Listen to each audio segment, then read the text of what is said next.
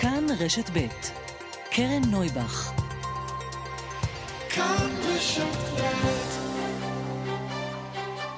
סדר יום עם קרן נויבך, תוכנית אקטואליה אחרת.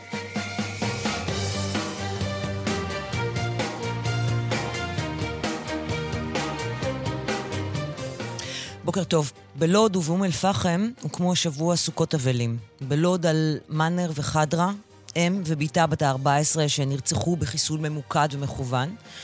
ככל הנראה בגלל שהן הראיה והבת של עבריין מוכר, שאפילו לא נמצא בארץ.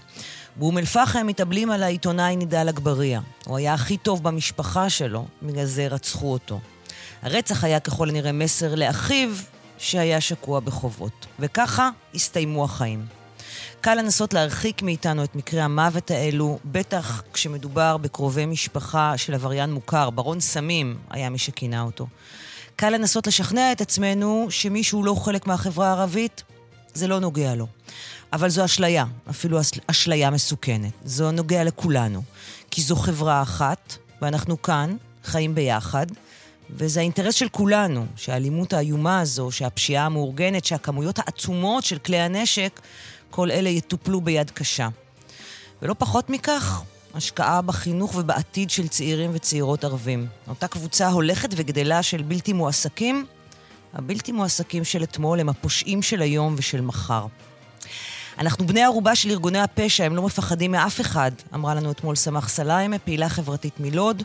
אף אזרח לא צריך להיות בן ערובה של ארגון פשע במדינה שלו. אנחנו תכף נדבר כאן על הפשיעה בחברה הערבית, גם עם מחמוד נאסר, רכז המאבק באלימות ופשיעה בוועד הארצי של ראשי הרשויות, וגם עם קצין בכיר באגף לסיכול הפשיעה, ניצב משנה יגאל עזרא.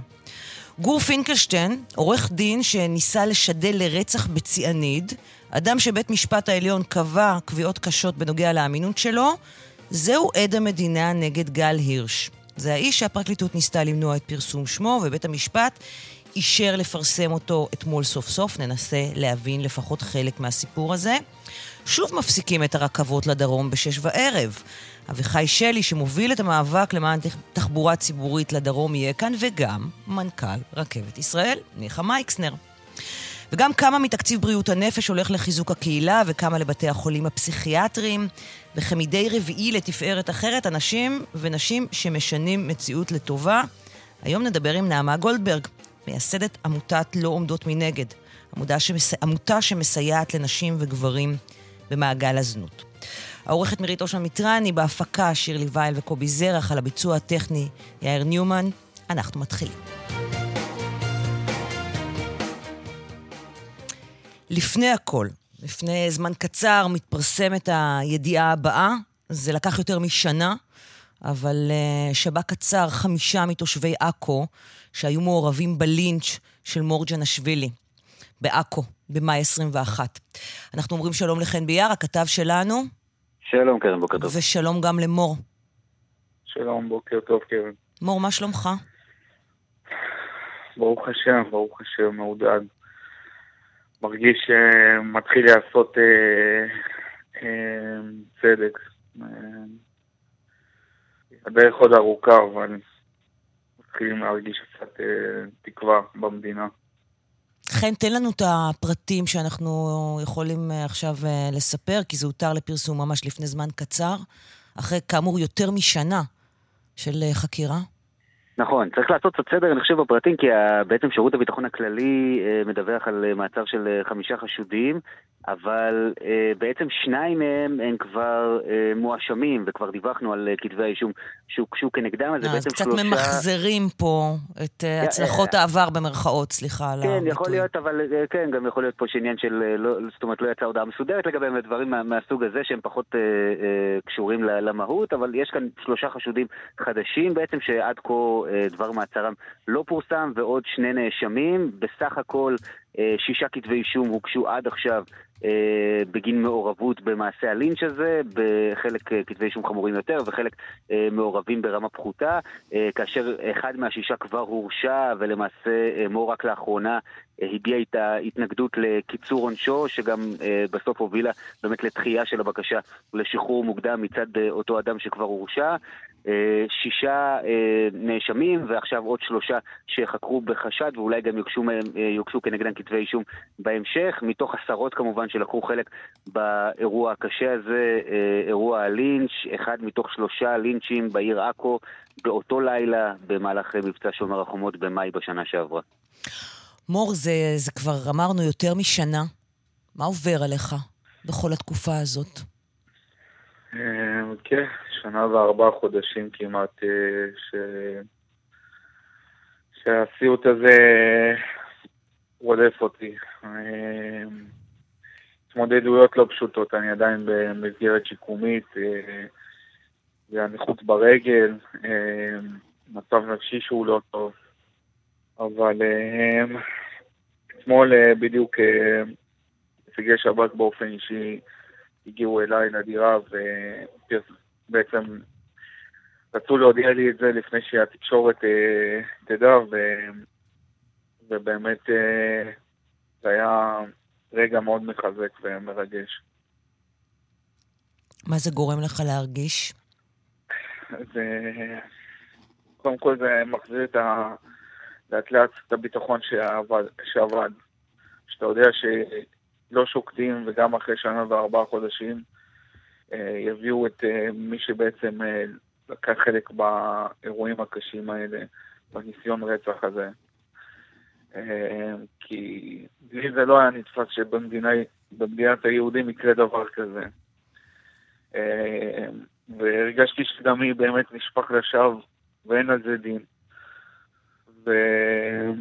ואתמול פשוט הרגשתי שיש לנו על מי לסמוך, שהשב"כ וכוחות הביטחון, המשטרה אה, וגם הפרקליטות שבעצם יד אחת מבינים שקרה פה אירוע שהוא חמור ואסור שהוא יקרה יותר.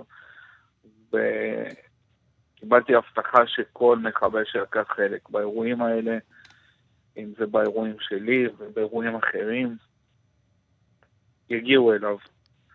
ואני שמח על זה שהם לא ישנים, כמו שאני לא ישן, והם חוששים בדיוק כמו שאני חושש. עכשיו הם הרגישו בטוחים, ואני הרגשתי הכי מושפל במדינה שלי, אבל עכשיו הם יתחילו להרגיש את הפחד שאני מרגיש. רק שהפעם זה כוחות הביטחון שיגיעו אליהם. העניין הנפשי כאן, אני מבינה, הוא לא פחות כואב מהעניין הפיזי. כן, אני חושב שזה יותר, אה, זה ההתמודדות היותר אה, לא פשוטה, יותר אה, בעצם מורכבת, כי זה לא משהו ש... שאתה יכול לשלוט בו. אתה כמובן מנסה להיות חזק, אבל יש רגעים שאתה מתרסק בבת אחת ואתה... שהכל עולה והכל צף. אבל זה... באמת הדברים האלה מחזקים אותי, הדברים האלה גורמים לי להאמין שעוד יהיה טוב, ואני עוד יכול לחיות, ושאותם מחבלים ארורים ישלמו על מעשיהם, ואנחנו נגיע לכל דיון שצריך, ונהיה שם, ונעמוד שם, ו- ונזעק, ו- ונגיד שדי, דמנו לא יכול להיות יותר הפקר, לא יהיה את הדבר הזה יותר. ואסור שיהיה, ואדרוש החמרה בענישה. זה עכשיו התפקיד שלי. התפקיד של השב"כ והמשטרה להביא את המחבלים הארורים, והתפקיד שלי הוא לדרוש בבית המשפט, ממערכת המשפט, לעשות את הענישה מחמירה. אתה מרגיש שזאת האחריות שלך? זו לא צריכה להיות אחריות המדינה לדרוש את הענישה הכי מחמירה? לצערי, אני רואה את זה בבית משפט, שמערכת המשפט לא איתנו שם, היא כאילו... לא, עדיין לא הבינו את עצם האירוע, עדיין לא הבינו שיש לנו עסק עם uh, מחבלים, בעלי תעודת זהות כחולה אמנם, אבל עדיין הם מחבלים, זה, זה משהו שאסור uh, אסור uh, לשקוט עליו. ובעיה שאני רואה שמערכת המשפט לא מבינה את האירוע, אז אני אהיה שם כדי שהיא תבין את האירוע. כי דמי לא הפקר, ודם יהודי לא הפקר, ו... ואסור שדבר כזה יקרה יותר, וכדי שזה לא יקרה, צריך ענישה מחמירה. כי אם מחבל רואה בסופו של דבר שהוא אה, לצורך העניין משתחרר למעצר בית גם אחרי שיש עליו אישומים של בעצם השתתפות בלינץ' וממש זריקת אבנים ובעצם וזה בעצם לא, לא גורם למערכת המשפט להתעורר על עצמה, אז אני לא יודע מה... חן, עוד שאלה אליך. היה תיעוד הרי של כן. אה, אירוע הלינץ' הנורא הזה. אמ, למה זה לקח? למה זה לוקח כל כך הרבה זמן? למה כל כך קשה להגיע לאנשים האלה? יש תיעוד של כל שלושה מעשי הלינצ'ים, ובמקרה של מור אה, אנחנו מדברים על שישה נאשמים ועוד אה, שלושה חשודים מתוך עשרות. בשני המעשים האחרים, מעשי הלינץ' באילת ברזילי שנפצע קשה, אף נאשם עדיין, אף כתב אישום לא הוגש. במקרה של מרדכי כץ, הלינץ' השלישי, אה, נאשם אחד, גם כאן, מתוך אה, עשרות אנשים. אה, קשה, ואנחנו יודעים שבמהלך התקופה הזו, כן, זה לא שלא נעשו ניסיונות, זאת אומרת, כן היו הרבה מאוד חשודים שנעצרו ונחקרו ושוחררו, וראינו אנשים נכנסים ויוצאים מבתי המעצר. ולמרות שהשב"כ מעורב mm-hmm. כאן בחקירות כן, האלה... זה שב"כ, זה אפילו לא משטר, זאת אומרת, זה לכאורה כוחות יותר מתוחכמים שיכולים להפעיל שיטות יותר נוקשות וכך הלאה. אנחנו רואים עדיין, ואני מודה שזה הפתיע גם אותי, שבאים לתרגם בסוף את, את, את מה שיש לראיות. יש קושי להביא את האנשים האלה לדין, אולי גם נצרף את ההצתה במלון אפנדי, שנרצח mm-hmm. שם אבי הר אבן, וגם נכון. כאן לא הובאו נאשמים לדין בגין הרצח שלו, ואנחנו רואים שהדבר המשמח הוא שגם שנה אחרי זה לא עוזבים את זה, אבל הקושי הוא בהחלט ניכר גם שהשב"כ מעורב. אני רוצה להודות לך מאוד, מור, מור ג'נשווילי, שדיברת איתנו הבוקר. תודה לך, קרן. ולשלוח לך כוחות. אמ, אתה יודע, שתוכל לחזור לחיים שהיו לפני כן, עד כמה שאני יודעת שזה קשה, אולי אפילו בלתי אפשרי. בלתי אפשרי. כי הם נעצרו, נכון? הם נעצרו לגמרי. כן, נעצרו ב-12 במאי 2021, ומאז אנחנו חיים את אותו לילה ארור. אני מאוד מודה לך שדיברת איתנו הבוקר. חן ביאר. אה, הכתב שלנו. תודה רבה גם לך, חן. תודה רבה, קרן.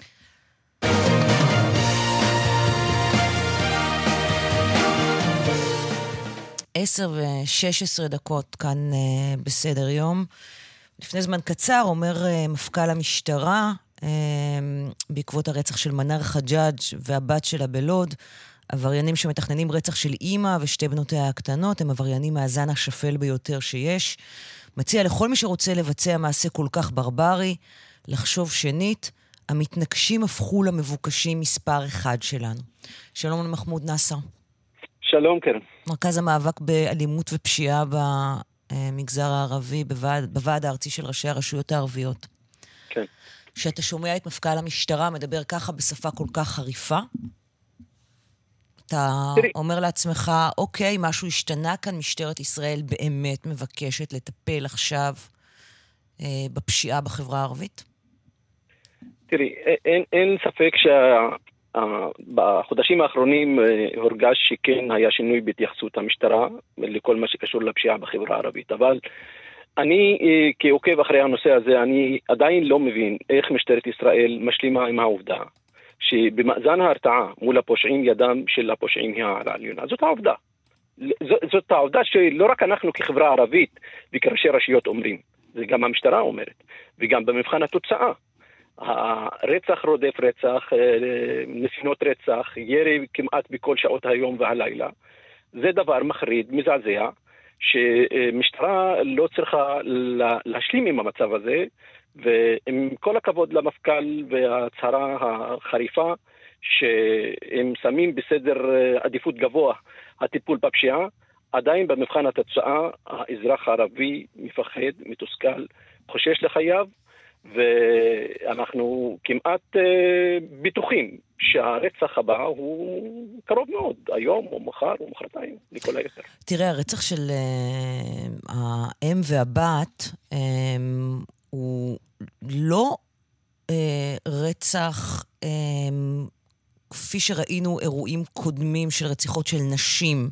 בשל כן. העובדה שהיא הסתובבה עם מישהו שלא רצו שהיא תסתובב, בשל העובדה שהיא רצתה להתגרש. כלומר, בשל אורחות חייה, כן? אה, אני אה, פה זהירה במונחים, כי אני לא רוצה להאשים אף אחת מהאנשים במה שהיא עושה. אה, זה רצח בגלל, כדי לשלוח מסר לבעלה, נכון? זה, זה פשיעה מאורגנת. זה משהו שלא היה בעבר. כלומר, גם בתוך הפשיעה המאורגנת בחברה הערבית נחצים כאן קווים אחד אחרי השני. כן, הקודים של ארגוני הפשיעה בחברה הערבית ממש משתנים, והם אה, פשוט אה, אינם מבחינים בין אישה וילדה וילד. אה, וכשהם רוצים להעביר מסר למישהו שהוא חייב להם כסף או כל דבר אחר, אז הם אה, לא חוששים ולא... אה, הם מוכנים לפגוע באישה, בבנות שלה, וגם מה שמחריד ומזעזע קרן, שאנחנו שומעים בחדשות, שבעצם גם חייה של הבת השנייה שנפגעה באירוע הזה, גם נתונים לסכנה מאוד מאוד כלומר, מאוד גדולה. כלומר, היא עדיין מאוימת. היא עדיין מאוימת, ואפילו המשטרה אומרת שיש חשש לחייה. תראי, מה שקרה בטייבה לפני כמה ימים, שחסמו אמבולנס והורידו את הנפגע מהאמבולנס mm-hmm. והבריחו אותו, זה, זה רק בסרטים אנחנו רואים. ולכן גם עם בת כזאת... איך אתה מסביר ש... את האירוע הזה? מה, מה קרה שם? האירוע של לוד? לא, של טייבה. של טייבה כנראה, תראי, יש, יש, אנחנו רואים ומרגישים בשנים האחרונות, בשנתיים האחרונות, שבעצם חציית הגבול, הגבולות היא כבר אה, אמרה מאוד שחוקה. זאת אומרת, יש פה חוצפה, יש פה אה, אה, ארגוני פשיעה שלא דופקים חשבון, חשבון למשטרה ולמדינה, והם מנסים להשתלט על החברה הערבית בכל האמצעים, עד כדי כך שהם מוכנים לחסום רכב הצלה, אמבולנס, ולהוריד ממנו פצוע, שהם רוצים לחסל אותו. או ל... אז תראי, זה, זה, זה דברים שאמורים לא רק לזעזע אותנו כחברה ערבית, כאזרחים ערבים, זה, זאת, זאת המציאות שאמורה להדאיג את uh, קברניטי המדינה, את מנהיגי המדינה, את uh, מפקדי המשטרה. לא יכול להיות שבעצם מצב כזה ימשיך. המשטרה, אם תרצה, ואם יתקבלו הצעדים הנכונים, כמו שנעשה במסלול בטוח עם סגן השר סגלוביץ'. מסלול בטוח שהתחיל לשנות את המציאות בשטח? אתה יכול להגיד שקרה משהו בעקבותיו, שזה כן, עבד? כן, כן, okay. אני אוקיי. יכול להגיד שאנחנו מרגישים שבחודשים האחרונים הורגש שינוי אה, בכל מה שקשור אה, לרמה המבצעית. והפרקטית אה, מול ארגוני הפשיעה, מול מה שנקרא המנוע הכלכלי של ארגוני הפשיעה, בששת החודשים האחרונים, ואנחנו שמחים גם שהאריכו את, את התוכנית של מסלול בטוח כדי להמשיך לפגוע במנוע הכלכלי של ארגוני הפשיעה. מה שנעשה בתוכנית הזאת, זה בעצם מה שצריכה לעשות המשטרה באופן תמידי כל הזמן. המשטרה יודעת, ואנחנו יודעים, וכל אזרח אה, במדינת ישראל יודע, שיש פער עצום שהמשטרה לא נכחה ביישובים הערביים, לא עבדה מספיק מול ארגוני הפשיעה עד שהם התחזקו והגיעו למצב שהם מדינה בתוך מדינה. אם המשטרה רוצה בעצם לגמור עם זה ולהגיע למצב של, אה, במבחן התוצאה, שיש לנו שינוי מורגש. תראי, אני יודע שיש תוכניות, אני יודע שיש החלטות ממשלה, אבל אנחנו לא צריכים לדבר רק על תוכניות והחלטות ממשלה שהתוצאות שלהן הן לטווח ארוך. מה שכן צריך, יש אה, פעולות שהן מיידיות. המשטרה יש לה את הכלים, יש לה את המודיעין, וכשהיא רוצה, וזה הוכח בעבר, היא יכולה בעצם להביא תוצאות יותר טובות.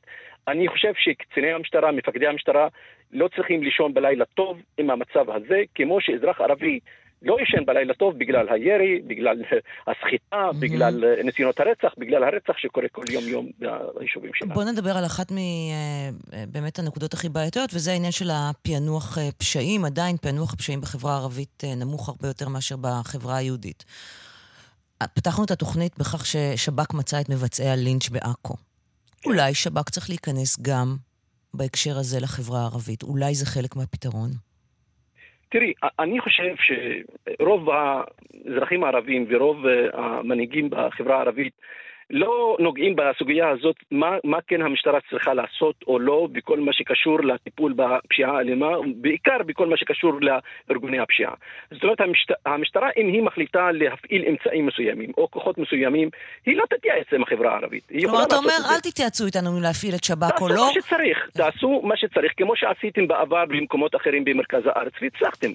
זאת אומרת, אם המשטרה לא הצליחה לעשות את זה, אז היינו אומרים שהמשטרה יש לה בעיה מבנית. אבל אני כאדם שעוקב אחרי הנושא שנים רבות, אדם שמתעסק עם הנושא הזה גם ברמה היומיומית, אני יודע ומאמין שהמשטרה יש לה את היכולות, היא יכולה להפעיל את האמצעים שהיא רואה לנכון כדי למגר את תופעת הפשיעה.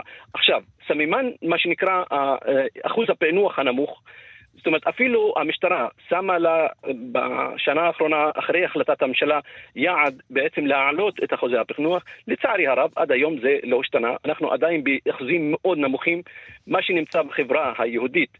וזה לא רק בגלל העובדה, קרן, שהם כל הזמן טוענים, והם צריכים לשנות את הדסקט פה. זאת אומרת, בגלל שחוסר שיתוף פעולה עם החברה הערבית. אני מזכיר לכולם שלפני 20 שנה, בשנת האלפיים, היו הפגנות נגד שהמשטרה תפתח תחנות ושהמשטרה תהיה נוכחת mm-hmm. ביישובים הערביים. היום רוב הציבור הערבי וגם נציגי הציבור הערבי בכנסת ובראשי רשויות אומרים במפורש תבואו תפעלו, תבואו okay. ת, ת, תהיו נוכחים ביישובים הערביים, תעשו מה שצריך, אנחנו לא יכולים להמשיך לחיות ככה. זאת עובדה. מחמוד אה, נסאר, רכז המאבק אה, באלימות אה, ופשיעה בחברה הערבית בוועד הארצי של ראשי הרשויות הערביות. הערביות. תודה רבה שדיברת איתנו הבוקר. תודה, תודה, קרן. ואנחנו אומרים בוקר טוב לניצב משנה יגאל עזרא. בוקר טוב, קרן. ראש מחלק סיכול פשיעה באגף סייף, שזה סיכול פשיעה. אתה רוצה להתייחס באמת לנקודה האחרונה שדיברנו איתה עם מחמוד נסאר, וזה אחוז הפענוח הנמוך עדיין בחברה הערבית. איך, אם אני מסתכלת על השנה האחרונה, אוקיי? זה אולי הנתון הכי בעייתי מבחינתכם. איך משנים את זה? אה, תראי, קודם כל אני מסכים מאוד מדבריו של חברי מחמוד נסאר, הוא שותף איתנו גם בפורום החשיבה הארצי אה, שהקמנו עם אה, אנשים שמובילים ואנשים שמכירים את החברה הערבית ומסייעים לנו לחשוב קצת בצורה אחרת. ואני חושב שהמשטרה גם שינתה את פניה והיא חושבת בצורה אחרת בכל מה שקשור לפענוח של תיקי רצח. אין ספק שזה אחד האתגרים המשמעותיים ביותר של משטרת ישראל, לפענח את תיקי הרצח האכזריים האלה בתוך החברה הערבית. אה, אחת, אה, כי החובה שלנו כלפי האזרח, ושתיים, לשם ההרתעה. ופה אנחנו בנינו תוכניות עבודה סדורות למשך שנים, זה לא משהו שזבנג וגמרנו והקמה של צוות צח"ם כזה או אחר, אלא פשוט עיבנו את היכולות החקירתיות שלנו, את היכולות הטכנולוגיות שלנו, את אה, הכישרון האישי של כל, כל חוקר או כל איש מודיעין בנקודת קצה, לבוא ולהשפיע אה, בסופו של דבר על התוצאה הסופית והגשת כתב אישום. אנחנו לא באים ולא אה, מסתכלים על האוכלוסייה הערבית וכן משתף פעולה או לא משתף פעולה או כן מעלים DVR יש לנו דרכים להתמודד גם עם כן הסוגיה הזו, ואנחנו עושים איתה. כן שומעים עדיין את הטענה הזאת, הם לא משתפים פעולה, הם לא זה, ומהצד השני, אוקיי, אני רק משקפת, לא, לא, מיד תתייחס. אני לא טוען את הטענה הזו, קרן, mm-hmm. אני לא טוען את הטענה הזו, אני מבין את הבעיה של האזרח הערבי בנקודת קצה בסוגיה הזו, ואנחנו מזהים יותר ויותר אזרחים כן באים וכן מבינים את גודל האחריות שלהם אה, כלפי המשפחה שלהם, כלפי השכנים שלהם. ואני לא בא ומאשים אותם. בסופו של דבר אנחנו כמשטרה צריכים לדעת להתגבר על הדברים האלה, ואנחנו מצליחים. היום, היום, היום, לפני uh, כשעה, הוגש הצהרת תובע לתיק uh, רצח שהיה לפני כחודש בלוד, עם עבריין ממשפחת עיסאווי, שהוגש נגדו כתב אישום, יוגש נגדו בימים הקרובים כתב אישום על תיק רצח שבוצע לפני חודש בלוד. אוקיי, ואתה אומר זה משהו, אחר, זה משהו שברגע, הרצח... שבאופן יחסי לזמן הפענוח שלכם בעבר זה מאוד מהיר? זה משהו שלא היה קורה כל כך מהר בעבר? יחסית כן, יחסית כן, אבל המדידה של תיקי הרצח זה לא ליום, יומיים, שבוע, שבועיים, אלא זה לאורך זמן, לאורך חודש, לאורך חודשיים, ולפעמים גם לאורך שנה ויותר. הרצח של הילד המצער שבביר אל-מכסור, של הילד בן ארבע, שפענחנו אותו תוך שלושה חודשים, זה היה הישג, הישג מאוד משמעותי. זה קשה, זה לא פשוט, צריכים להבין שאנחנו צריכים, אה, אנחנו עובדים עם, אה, עם אנשים שבסופו של דבר מתכננים את האירועים האלה, זה לא אירועים ספונטניים נקודתיים, הם יודעים לבוא ולרדת לפרטים, הם מכירים את עבודת המשטרה, הם מנסים להתחכם עם, אה, מול עבודת המשטרה. גם ברצח המצער האומלל שהיה בלוד לפני יומיים שלושה, אנחנו נמצאים במקום אחר. אנחנו כבר יודעים את שיטת הביצוע, אנחנו יודעים כבר מי הגיע לזירה עצמה. אני לא יכול לפרט, אבל אנחנו נמצאים באמת אנחנו קרובים יותר, מאוד משמעותי. אנחנו קרובים יותר לפענוח של הרצח הזה? אנחנו קרובים יותר לפענוח של הרצח הזה, אנחנו מכירים יותר מה בדיוק נעשה שם. גם הרצח של אה, ווח שהיה לפני כשבוע בלוד, גם פה אנחנו נמצאים בשלבים מתקדמים. האמצעים הטכנולוגיים שהצבנו, המיצוב של החוקר בימ"ר, המיצוב של החוקר ביל"פ, היחידות החדשות רגע, רגע, מאזיננו, יחידות... מאזיננו רוצים לדעת מה זה הראשי תיבות האלה. ימ"ר. ימ"ר זה יחידה מרכזית של המחוז, שהיא חוד החנית של הטיפול בפשיעה בחברה הערבית. יל"ב זה יחידה ללוחמה בפשיעה ברמה המרחבית. הוספנו תקנים למקומות האלה. הוספנו אמצעים טכנולוגיים ברחובות. הכשרנו את השוטרים שלנו בצורה אחרת. זה לא החקירה הפרונטלית, כן מודה, לא מודה. יש הרבה דברים שאנחנו צריכים לאמת אותם בציר הסיגינטי, בציר, בציר הוויזינטי, של גם uh, שמע וגם איזה uh, מצלמות. אני אומר, בואו נחכה. אני רוצה בואו לשאול... בואו ונראה שאנחנו אני... נצליח להוכיח את היכולות שלנו למקום אחר. אי אפשר להשוות לרצח במגזר היהודי. אז רגע, שנייה, שנייה, שנייה, שנייה, רוצה... אני, אני, רוצה, אני רוצה לשאול אותך על המשפט הזה שאתה אומר, אי אפשר להשוות בין זה לבין רצח במגזר היהודי. כי, אוקיי, כולנו, אוקיי, אני מכניסה את עצמי עכשיו, למרות שהאחריות היא לא עליי, כולנו נתנו לפשיעה המאורגנת בחברה הערבית לגדול לממדי פרא מטורפים, נכון? זאת אומרת, את, את, את, זו תוצאה של הזנחה של שנים, מה שאנחנו רואים כאן. העובדה שעכשיו אתם צריכים להשקיע אמצעים כל כך מתוחכמים וכל כך הרבה אמצעים. כן. אני אה, לא רוצה לדבר על מה שהיה. מה שהיה היה, וכנראה לא נוכל לתקן אותו. אבל אם אנחנו היום, עם פיקוד המשטרה, עם מפכ"ל המשטרה, שמכריז על הפשיעה בחברה הערבית כבעיה מספר אחת של המשטרה, הוא מקצה לשם 90% מהמשאבים והיכולות גם של יישובים אחרים אל מול הפשיעה בחברה הערבית. אז זה שהכרזנו את שלושת ארגוני הפשיעה, חרירי, ג'רושי ואבו לטיף, כארגוני פשיעה, שהם אה, יעד מספר אחת של משטרת ישראל לטפל בארגונים האלה. מסלול בטוח שמשלב את העשייה הזו אל מול העבריינים שמשפיעים גם בארגוני פשיעה וגם ארגונים שמשפיעים על אירועי הירי. אנחנו רואים ירידה באירועי ירי, אנחנו רואים ראשי ארגוני פשע שנמצאים מאחורי סורג ובריח. איך אנחנו בכל... תוקפים אותם בציר הכלכלי. ואיך בכל זאת... עשרות מיליוני דולרים. ואיך בכל זאת מגשרים בין מה שאתה מתאר עכשיו, שאין לי ספק שהוא קורה, לבין תחושת חוסר הביטחון של האזרח או האזרחית ברחוב באום אל-פחם או ברחוב בלוד. כי, זה, כי הם מרגישים שבכל רגע נתון מישהו יכול לבוא ולירות בהם. אמרה אתמול, סמח סליימה, כן. היא גרה בלוד, היא אמרה, אנחנו מרגישים שאנחנו בני ערובה של ארגוני הפשע, שהם לא שמים על אף אחד. אז אני, אני רוצה לחלק את זה לשניים. אחד, אה, לחלוטין אני מסכים שכל אירוע כזה משפיע באופן ישיר על הביטחון האישי, אפילו לא על התחושה. בפועל, על הביטחון האישי. לא לשלוח ילד לרחוב, לשחק מתוך פחד, זה משפיע. התפקיד שלנו כמשטרה לטפל באירועים האלה, לטפל ולפענח את אירועי הירי ולהשקיע את מירב המשאבים שלנו גם כנגד היעדים שמשפיעים על אירועי האלימות והאמל"ח וגם על אותם ארגוני פשיעה. וברגע שאנחנו נדע לייעל את העבודה שלנו, לעצור יותר, להגיש יותר כתבי אישום, להיות יותר אפקטיביים ויעילים בתחום הזה, זה יהיה מצוין, וככה אנחנו נוכל להשפיע בציר הזה. הציר השני זה הציר הקהילתי. מפקדי התחנות, אנחנו באגף סייף, הקמנו מחלקות שלמות לטפל בציר הקהילתי. איך אנחנו בסופו של דבר אה, מובילים פרויקטים משותפים עם האימאמים, פרויקטים משותפים בחינוך, פרויקטים אה, משותפים מול הרשות המקומית. זה עובד, אנחנו רואים את ראשי הרשויות איתנו יד ביד.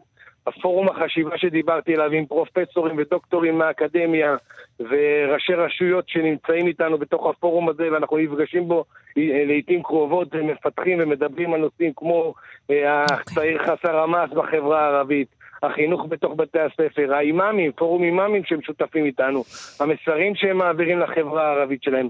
ראשי הרשויות שהיום מדברים באומץ כלפי כן. העבריינים, שהם מבינים שהם פוגעים בביטחון האישי ובשגשוג הכלכלי בסופו של דבר של היישוב. Okay. אוקיי. אני אומר, אם אנחנו נדע, אנחנו במשולש שלנו כ- כמשטרה, להיות חזקים וטובים יותר ולהשתפר.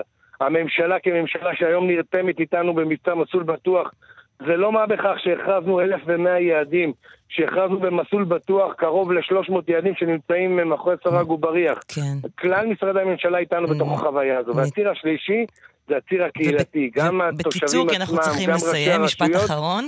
וגם ראשי הרשויות, ומפה אני אומר ככה, האחריות של משטרת ישראל היא על הביטחון האישי של כל אזרח אזרח וכל יישוב ערבי, יהודי ולא באשר הוא. אני, אני מתחייב בשם משטרת ישראל שאנחנו נשקיע את מירב המאמצים שלנו כדי לפענח את התיקים האלה ולהכניס את העבריינים מאחורי סרג ובריח. ניצב משנה יגאל עזרא, ראש אה, מחלק אה, סיכול פשיעה באגף סייף, תודה רבה שדיברת איתנו הבוקר. תודה רבה. פרסומת ותכף נחזור. 10.37 כאן סדר יום, איך אנחנו אומרים? אה, אוהבים להגיד את המשפט הזה, דרמה בבג"ץ, אבל זה כנראה בהחלט סוג של דרמה. השופט סולברג מציע למדינה לבטל את המינוי של מני מזוז כראש הוועדה המייעצת למינוי בכירים, למעט עכשיו לעניין מינוי הרמטכ"ל. שלום לתמר אלמוג, הפרשנית שלנו לענייני משפט. כן, קרן, בוקר טוב. אנא הסבירי. זה מצדיק לגמרי, כן, זה מצדיק לגמרי את התואר דרמה. נאמר כך, יש עתירה של ארגון לביא נגד המינוי אה, של מני מזוז, שופט בית המשפט העליון אה, אה, בדימוס, אה, להיות ראש הוועדה המייעצת אה, לעניין מינוי בכירים. אותה ועדה שבודקת אה, מינויים לתפקידים מסוימים, ובהם לעניין הרמטכ"ל. והשופט סולברג מציע עכשיו בדיון למדינה בעצם להסכים שהמינוי של מזוז יהיה רק לעניין אה, בחינת, לעניין התכנסות הוועדה לבחינת מינוי רמטכ"ל, ולא מינוי קבוע. למה? כי העתירה הייתה בעצם על כך שמדובר במינויו של מזוז בזמן ממשלת מעבר. הרי הממשלה היא זאת שמאשרת את המינוי, מהמם. ואנחנו יודעות שהכללים אומרים שבגדול בזמן ממשלת מעבר לא מקבלים החלטות או מינויים שכובלים את הממשלה הבאה, אלא במקרים חיוניים ודחופים. אז השופט סולברג אמר עכשיו אה, בבג"ץ לפני כרבע שעה, אמר למדינה, תגידו לי, הם יצאו להתייעץ באמת, אם אה, אפשר לסגור שהוא יהיה אה, מינוי אד הוק רק לעניין מינוי רמטכ"ל, ואחר כך נראה מה יהיה מי ישב בראש הוועדה, כן או לא מזוז. אז המדינה מתייעצת, אבל פה קרן זה, זה ככה הקפיץ לי איזה משהו, ונזכרתי ששלשום, את זוכרת שדיברנו מוועידת המשפט על נאום היועצת המשפטית לממשלה? אז היועצת המשפטית לממשלה אמרה שלשום בוועידת המשפט, היא אמרה שבגדול לא מאשרים, היא לא מאשרת לממשלת מעבר לבצע מינויים בתקופ...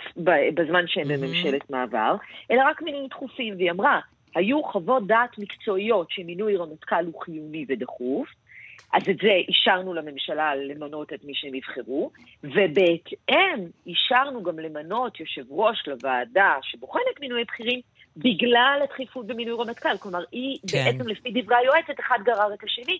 ומעניין קרן אם עכשיו בעקבות הדברים האלה, לפי אותו ההיגיון, גם יאמרו, המדינה תאמר שהיא מסכימה להצעה הזאת. אוקיי, עדכונים נוספים בעניין, אנחנו כאן. עדכני אותנו כמובן.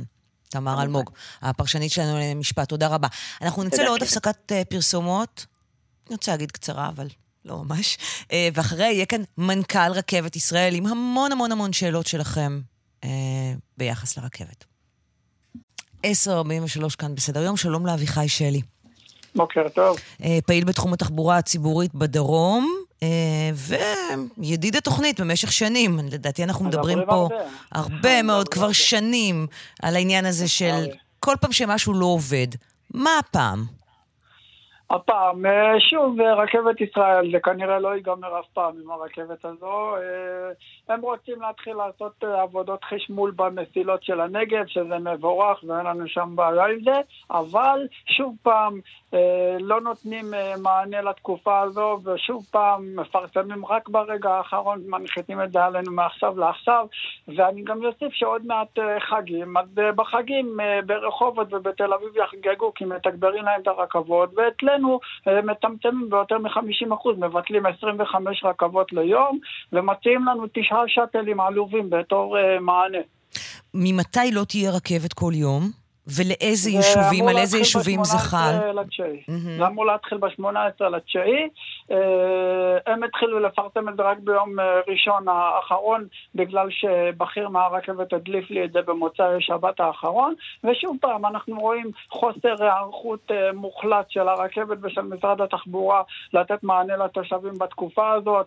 אנחנו רואים שהכל נעשה מאולתר ותוך כדי תנועה, וכמו שאמרתי, הם רוצים לבטל 25 רכבות כמדי יום, כולל רכבות בלילה וכולל רכבות בסופי שבוע, אבל מציעים לנו בתור מענה תשעה שאטלים מסכנים. אני גם רודף אחרי שרת התחבורה מפברואר 2022, אני אומר לה, חייבים לתגבר את האוטובוסים, התחבורה של הרכבת לא מספיקה. והם אומרים לי, אין הצדקה, הרכבת פועלת כסדרה. אז הנה, הרכבת לא פועלת כסדרה, ואין תחבורה משלימה, ואותנו לא סופרים. זה מה שקורה. טוב, אתה אה, מוזמן להאזין לשיחה הבאה שלי. אה, עם מיכה מייקסנר, שהוא מנכ"ל אה, רכבת ישראל. תודה רבה בשלב הזה, אביחי שלי. אה, אולי נחזור לך בסיום. כן? אמ, אז אה, תישאר בהאזנה, ואומרים שלום למיכה מייקסנר, מנכ"ל רכבת ישראל. בוקר טוב. בוקר טוב, כן. מה עונים? אה, מה עונים לאביחי אה, ולתושבי נתיבות ולערים נוספות? זה אופקים, שדרות, נתיבות, מה-18 לתשיעי, מבטלים 25 רכבות כל יום. רכבת אחרונה מנתיבות תצא ב-6 ו-20. כלומר, אחרי זה, אין, תשארו בבית. בואי נגיד ככה, קודם כל, אה, זה שנכנסים לחשמול של הקו אה, מאשקלון ודרומה לכיוון באר שבע, אה, זו התשובה לאביחי שלי, תשובה שנשאלה... עוד פעם, עוד פעם? לא, לא, לא, תחזור שנית. זאת תשובה לשאלה שנשאלה לפני תשעה חודשים, למה לא מחשמלים? אז הנה מחשמלים.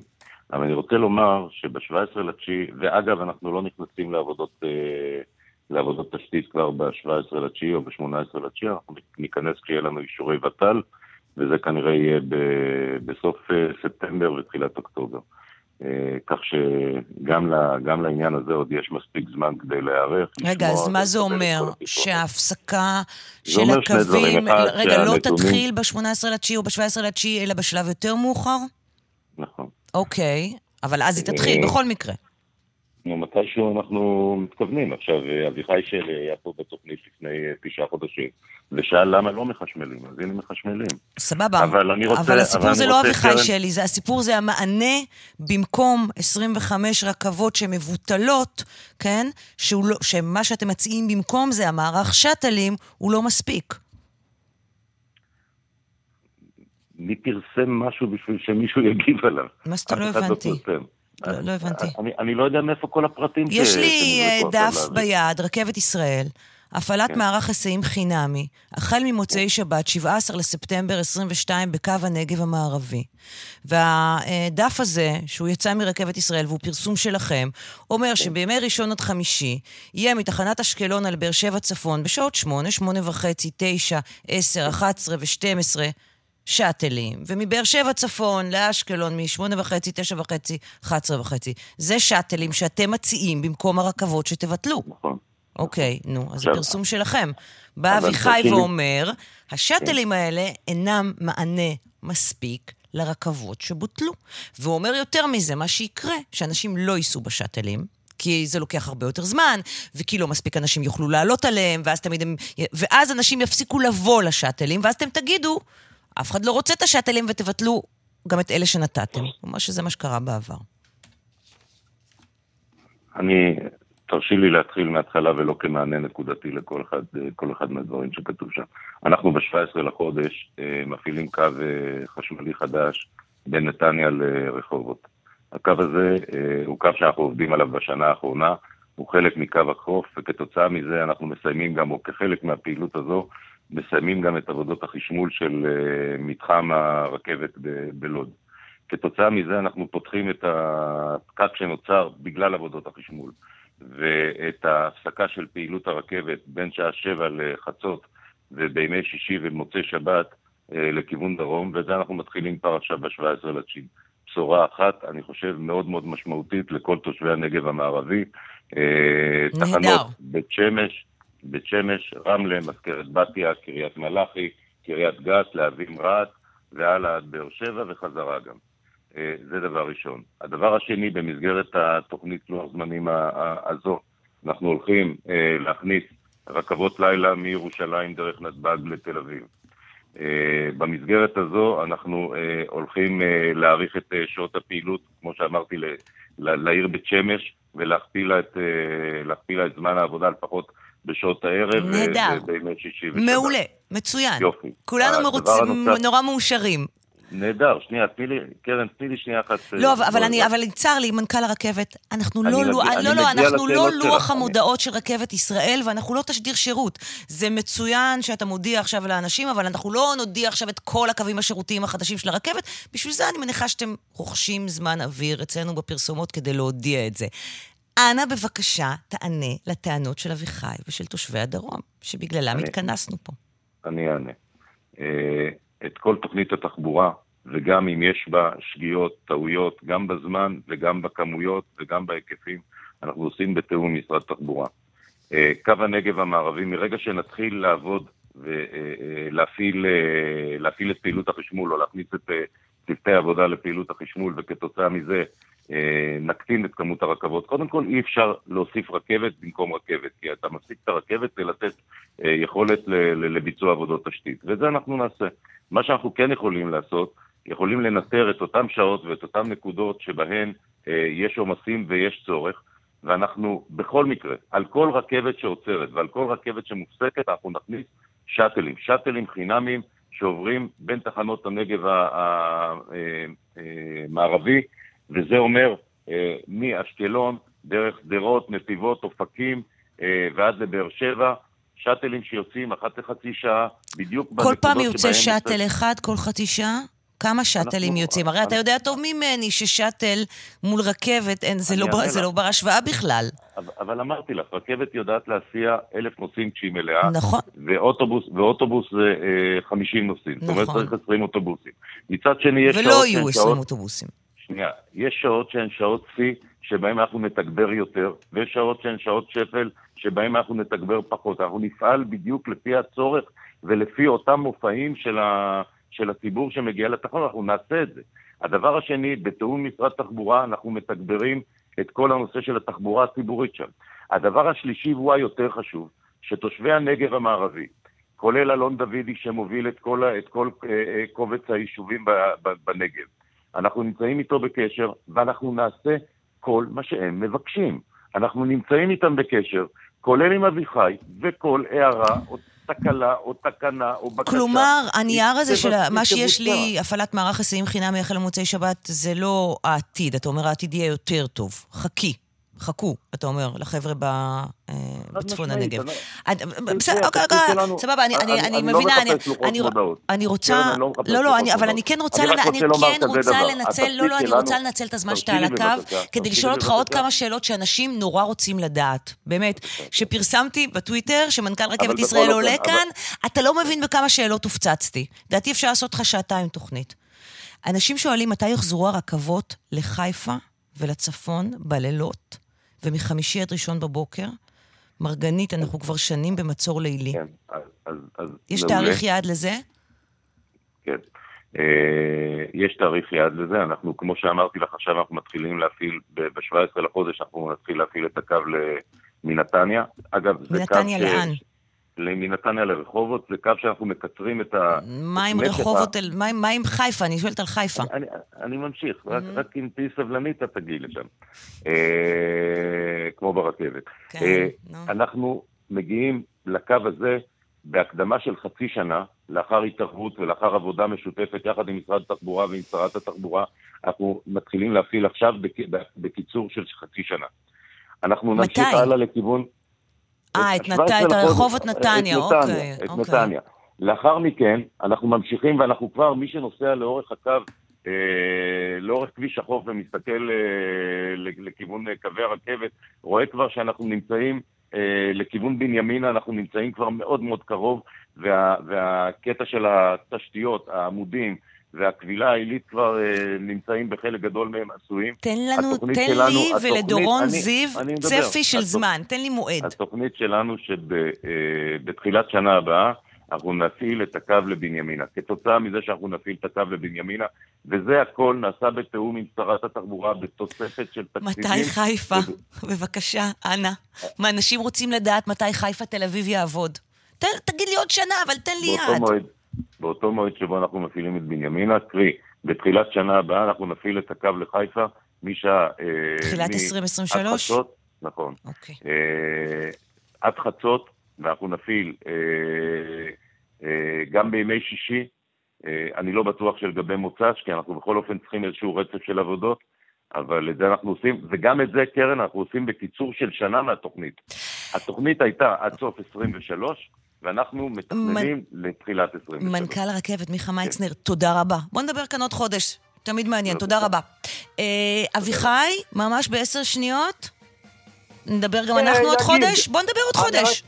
אני, זהו, אז אני רק אגיד משהו. דחוף להם להפעיל את הקו של רחובות נתניה, אבל ממש אה, דחוף להם אה, להשבית אותנו בחגים. אני חושב שאם הם לא ערוכים... לא, אז הוא אמר שזה לא יקרה בחגים, אם הבנתי נכון. אבל אתה יודע מה? בוא, בוא נדבר כאן עוד שבועיים, נראה איפה אנחנו עומדים. אביחי שלי, תודה רבה לך. נגמרה השעה. פרסומות חדשות ותכף חוזרים.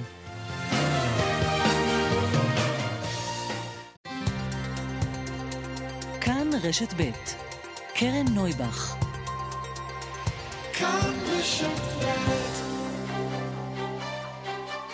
סדר יום עם קרן נויבך, תוכנית אקטואליה אחרת.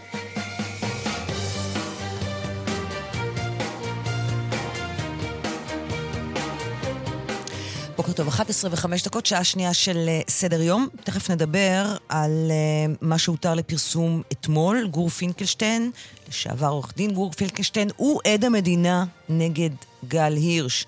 שש שנים השם הזה היה אסור בפרסום, ננסה להבין למה. יהיו כאן מיד תמר אלמוג, הפרשנית שלנו לענייני משפט, וגם עורך הדין טל שפירא, שמייצג את גל הירש. לאן ילכו תקציבי בריאות הנפש? לקהילה או לבתי החולים הפסיכיאטריים? ולמה זה צריך להיות או זה או זה? למה לא אי אפשר גם וגם? דקלה אהרון שפרן צללה לתוך המספרים המאוד מטרידים, ואנחנו נדבר כאן אה, עם שניים שמכירים היטב את התחום הזה. ראש ממשלה חדשה בבריטניה, מי זאת האישה המסקרנת הזאת. ויום רביעי היום, אה, אנחנו אה, כרגיל לקראת אה, סוף השעה השנייה שלנו עם אנשים שמשנים מציאות לטובה, לתפארת אחרת. היום נדבר עם נעמה גולדברג, היא מנכ"לית לא עומדות מנגד. עמותה שמסייעת לנשים וגברים בזנות. שלום לתמר אלמוג. שלום קרן, בוקר טוב. בואי ככה, בכל זאת, ניתן את הכותרת של השעה הקודמת, ממש במשפט, למי שלא שמע את החדשות, למי שרוצה להבין מה זה אומר שהשופט אה, סולברג אומר למדינה, קחי את מינוי, בעצם מה הוא אומר? קחי את מינוי הרמטכ"ל ותוותרי על מינוי מזוז. כן, נכון? זה, זה בעצם כן. העסקה. זה בגדול, מדינה עוד לא השיבה, נכון לפני חמש דקות אה, מה דעתה. אה, נזכיר, מני מזוז, שופט בית משפט העליון לשעבר, מונה להיות ראש הוועדה המייעצת לעניין אה, מינוי בכירים, מה שישב בראשה השופט גולדברג המנוח. והוועדה הזאת אמורה לדון במינויים לתפקידים מאוד מאוד מסוימים, כאשר כרגע על הפרק מינוי הרמטכ"ל. האישור לבצע את מינוי הרמטכ"ל ניתן בתקופת ממשלת מעבר, וכך גם האישור לממשלה למנות את מזוז. מדובר במינויים שהם לא של היועצת המשפטית לממשלה, אלא של הממשלה, אבל מכיוון שהם נערכים בתקופת ממשלת מעבר, נדרש אישור היועצת. והיועצת אמרה אה, שהיא מאפשרת מינויים כאלה רק כשיש חוות דעת מקצועיות שאומרות שזה מינוי דחוף אה, אה, שאי אפשר אה, בעצם שהארגון אה, ייפגע אם לא, לא יהיה את המינוי, אם הוא לא יתבצע, mm-hmm. ולכן היא אפשרה מינוי רמטכ"ל, ואז בהתאם לזה, כך היא אמרה שלשום, היא אפשרה גם מינוי ראש הוועדה המייעצת, אה, כי אחרת אי אפשר למנות רמטכ"ל, אז מה זה עוזר שבחרו רמטכ"ל אם אי אפשר למנות אותו כי אפשר לעבור את הוועדה. וכך אושר מינוי מזוז, והוגשה עתירה על ידי ארגון לביא לבג"ץ נגד מינוי מזוז, אמרו, הרי המינוי שלו הוא לראש הוועדה המייעצת למינוי בכירים, הוא לא רק הוא לא נקרא ראש הוועדה המייעצת לעניין מינוי רמטכ"ל, זה מינוי בכירים, זה קדנציה של אה, כמה שנים טובות. ואז בעת הדיון בעתירה היום, השופט סולברג, חברו עד לאחרונה של מזוז אה, בבית המשפט העליון, אמר למדינה, אולי בעצם אם המינוי היה דחוף לעניין מינוי רמטכ"ל, בואו תשאירו אותו כראש הוועדה לעניין הזה, ושהוא לא יהיה ראש הוועדה המייעצת לשאר הדברים, לפחות לא בשלב הזה. כלומר, יכול להיות אוקיי. שעתידית יוכלו לבחור בו שוב. Um, המדינה יצאה להתייעצות. אני חייבת לומר, ופה אני מכניסה את דעתי האישית, ועל פניו ועם כל ההסתייגויות, לאור הדברים שאמרה היועצת רק שלשום בוועידת המשפט, אני נוטה לחשוב שהמדינה די תתקשה להסביר למה היא אומרת לא. אחרת. לא. כן. למה אוקיי. היא אומרת לא, ברור. ולמה זה בסדר למנות, מבלי חלילה לפגוע ביכולותיו אה, של השופט אה, מזוז. אבל הם יצטרכו להסביר למה היה להם דחוף למנות אה, ועדה לכל השנים, ראש ועדה לכל השנים. בואי נגיד שלום ובוקר טוב לעורך הדין טל שפירא. בוקר טוב. עורך דינו של גל הירש. ונחזור, תמר, להחלטה שמתקבלת אתמול. שש שנים השם הזה היה אסור בפרסום. למה בעצם? למה כל... מדינת ישראל, הפרקליטות, מתעקשת שש שנים שזהותו של עד המדינה נגד גל הירש, גור פינקלשטיין, תישאר חסויה?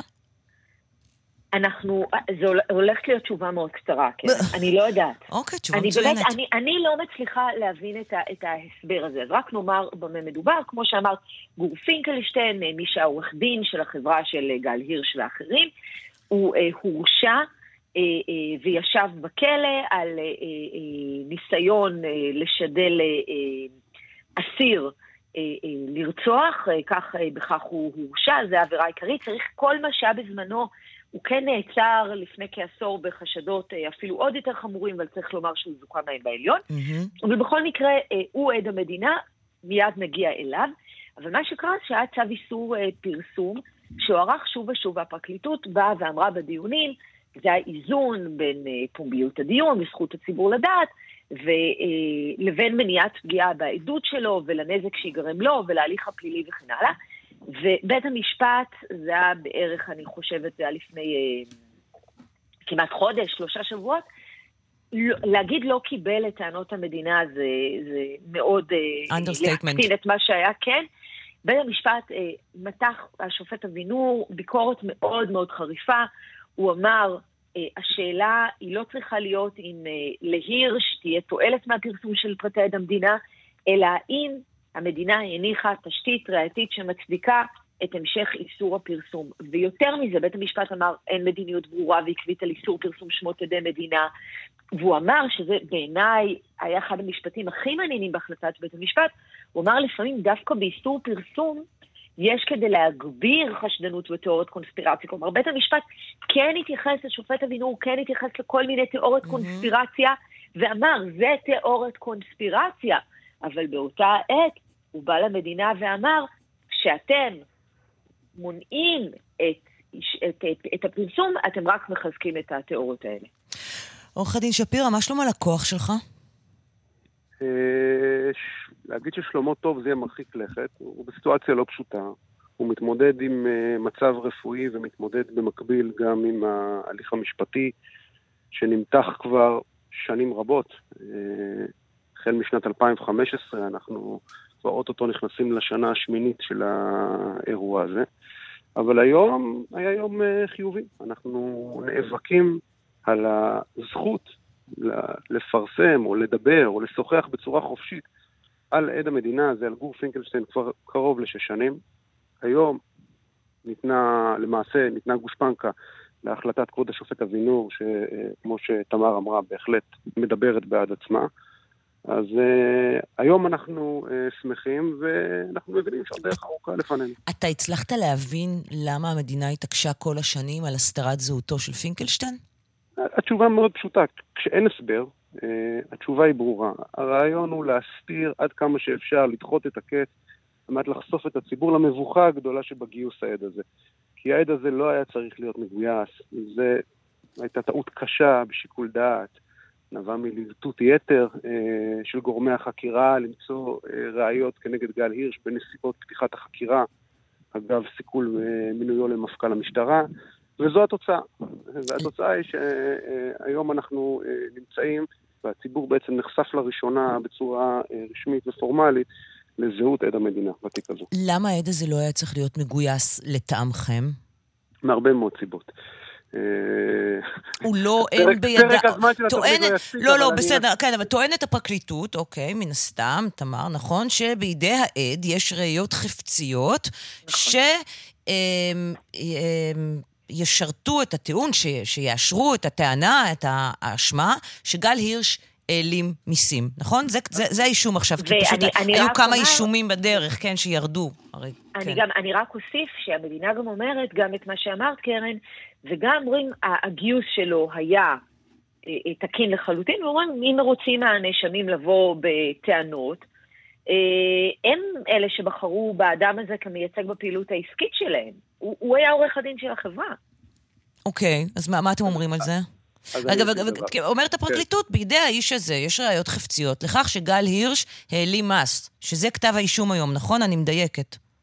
כן, כתב האישום מייחס לגל היר, עבירת, לגל הירש עבירת מס מלפני 15 שנה, כן. זה כתב האישום שאנחנו מתמודדים איתו, נאלצים להתמודד איתו כרגע. אבל אני אשיב בצורה סדורה. אגב, מה אתם עונים על כתב האישום עצמו? אין שום חסר מס, גל הירש שילם מס מלא כנגד חשבונית, במועד, בזמן. אין לזה שחר לכל הדברים האלה. אוקיי. זה פשוט כתב אישום חסר שחר. לכן גם התוצאה שלו ברורה. אבל ואז באה הפרקליטות. ואומרת, "בפ- בידי פינקלשטיין יש ראיות חפציות אז- לכך שהוא כן אני- העלים מס. אז אני אסביר, דבר דבר. דבר ראשון, בהתייחס למה שתמר אמרה בסוף דבריה, צריך לזכור, עורך דין גור פינקלשטיין, עורך דין דאז, היה עורך דין מוביל בישראל. היה לו משרד עם עשרות לקוחות, נתן ייעוץ אה, משפטי בתחומים, עסק, הוא נתן ייעוץ משפטי, היה חלק מעורכי הדין של חברת דיפנסיב שילד, זאת החברה אה, אה, של גל הירש ושותפיו, סייע להם בפתיחת חברות בחוץ לארץ, אה, כחלק מייעוץ משפטי רגיל. יום אחד, בוקר אחד, אם אני לא טועה, בשנת 2011, אה, קמו גל הירש ושותפיו, כמו גם יתר לקוחותיו של המשרד, לבוקר שבהם הם מגלים שעורך הדין שלהם נעצר בחשד לעבירות אלימות, אה, קשירת קשר לביצוע רצח וכיוצא בזה. אה, כולנו כבר, אני חושב ש... אה, שנהיה מספיק הוגנים. לומר שהעליון זיכה אותו מהם. הוא ישב לא, בסוף... העליון... אתה מדבר על עוד ההזמנ... לא, אתה מדבר על הזמנת הרצח בכלא? כן, שירת, כן. כן, בהזמנת רצח של עד מדינה. אני אומר, בוא, בוא נראה את האירוניה. מגייסים עד מדינה שבמשפט שלו ניסה לרצוח את עד המדינה שביקש לה, להעיד נגדו באמצעות ציאניד. בואו נבין על מה אנחנו מדברים. העבירות הכי חמורות של שיבוש משפט והדחה בעדות. זה עד המדינה שהמדינה מגייסת ומבקשת להאמין לו. עכשיו נראה מה הוא בכלל אומר העד הזה, כנגד תת-אלוף במילואים גל הירש. אבל הם, אין שום קשר בין העבירות של גור לבין הייצוג שהוא נתן, שאגב, כפוף לחיסיון עורך דין לקוח, וגם על זה אפשר היה לפתוח עכשיו סוגיה שתספיק לנו לשעה, אבל נחסוך את זה מהמאזינים. גם לזה נגיע. אני אני אותו- רוצה להוסיף... רגע, שנייה, אה, ניתן סליחה, לסיים את כן, המשפט, כן, סליחה. בבקשה. אני אומר, מגייס, מה שקורה בעצם, בשנת 2015 נפתחת חקירה כנגד גל הירש. אותה חקירה שכידוע הביאה לסיכול תפקידו למפכ"ל. החשד הוא אחד, שלא יובן, יובן אחרת, שוחד. שוחד למתן עובד ציבור זר. אחרי זמן קצר מפתיחת החקירה ברור למשטרה, לגורמי החקירה, שאין ראיות. פשוט, מה לעשות, לא היה שוחד, גם זה קורה לפעמים. ואז באיזשהו מהלך, מבחינתי נואש, אומרים בואו נתפוס את גור פינקלשטיין, שאגב החקירה גילינו שהוא נחשד בעצמו וביצע עבירות מס חמורות, לא קשורות בכלל, שלו עצמו, הוא אסיר עדיין, הוא עדיין, הוא בבית הכלא, נביא אותו מבית הכלא, ונציע לו, אומרים, תקשיב, או שנעמיד אותך על דין בעבירות מס חמורות, אתה אסיר, אתה מבין את המשמעות, או שניתן לך איזושהי עסקת טיעון ברמת המאסר על תנאי, ובוא תגיד מה אתה יודע להגיד בעניין שוחד שנתנו אה, אה, גל הירש ושותפיו. אז אותו עד, שבית המשפט העליון אמר, אמר עליו, שמוראה של מלכות לא חל עליו, ברור, ברור לנו מה אומר, כן, בשמחה, ספר סיפורים. התוצאה של הסיפורים האלה הם תיק שוחד שנסגר בחוסר אשמה, ונשאר תיק מס. עכשיו, שואלים אותי, מה אומר האיש אתה אומר אין? לאיש ראיות חפציות בעניין העלמת מס של גל לא, הירש? אין אין לו. אתה אומר אין לו כלום? מה, המדינה אשכרה הגישה כתב אישום על כלום? אבל אל תשאלו אותי. בואו נראה, היום גם אני קמתי בבוקר וקראתי את תגובת עורך דינו של עד המדינה, של אה, גור פינקלשטיין, אפשר סוף סוף לומר את שמו, עורך דין פנחס פישלר. והוא אומר, הוא מתייחס לעניין עבירות המס, הוא אומר בפשטות, הוא אומר, אני לא יודע כלום. אני פתחתי עבור אנשי דיפנסיב של חברות כדין, הייתי הכל בסדר. אם הם דיווחו מס, מאיפה אני צריך לדעת? יש להם יועצים משפטיים, יש להם, סליחה, יועצים חשבונאיים, יש להם רואי חשבון, הם אנשי עסקים, מה אני יודע להגיד אם הם שילמו מס או לא שילמו מס? אגב, צודק במאה אחוז. אין לי גם שום דבר נגד העד הזה, הוא לא אומר כלום בעניין המס. אני בכלל לא מבין למה ההסכם שלו עדיין אז בתוקף. על אבל מה הוא. אומר? על מה הוא אומר? הוא, לא, הוא לא אומר כלום. הוא אומר, אז, אני אומר, אז הוא, אני סנגור, תגידו, אני בא מפוזיציה. אומר עורך הדין כן. שלו מטעמו, אני לא יודע כלום להגיד לעניין עבירות המס. העד הזה גויס בתור עד מדינה לעניין השוחד בלבד, רק השוחד. והגיוס שלו לא השיג דבר, כי אין לו ראיות, מה לעשות?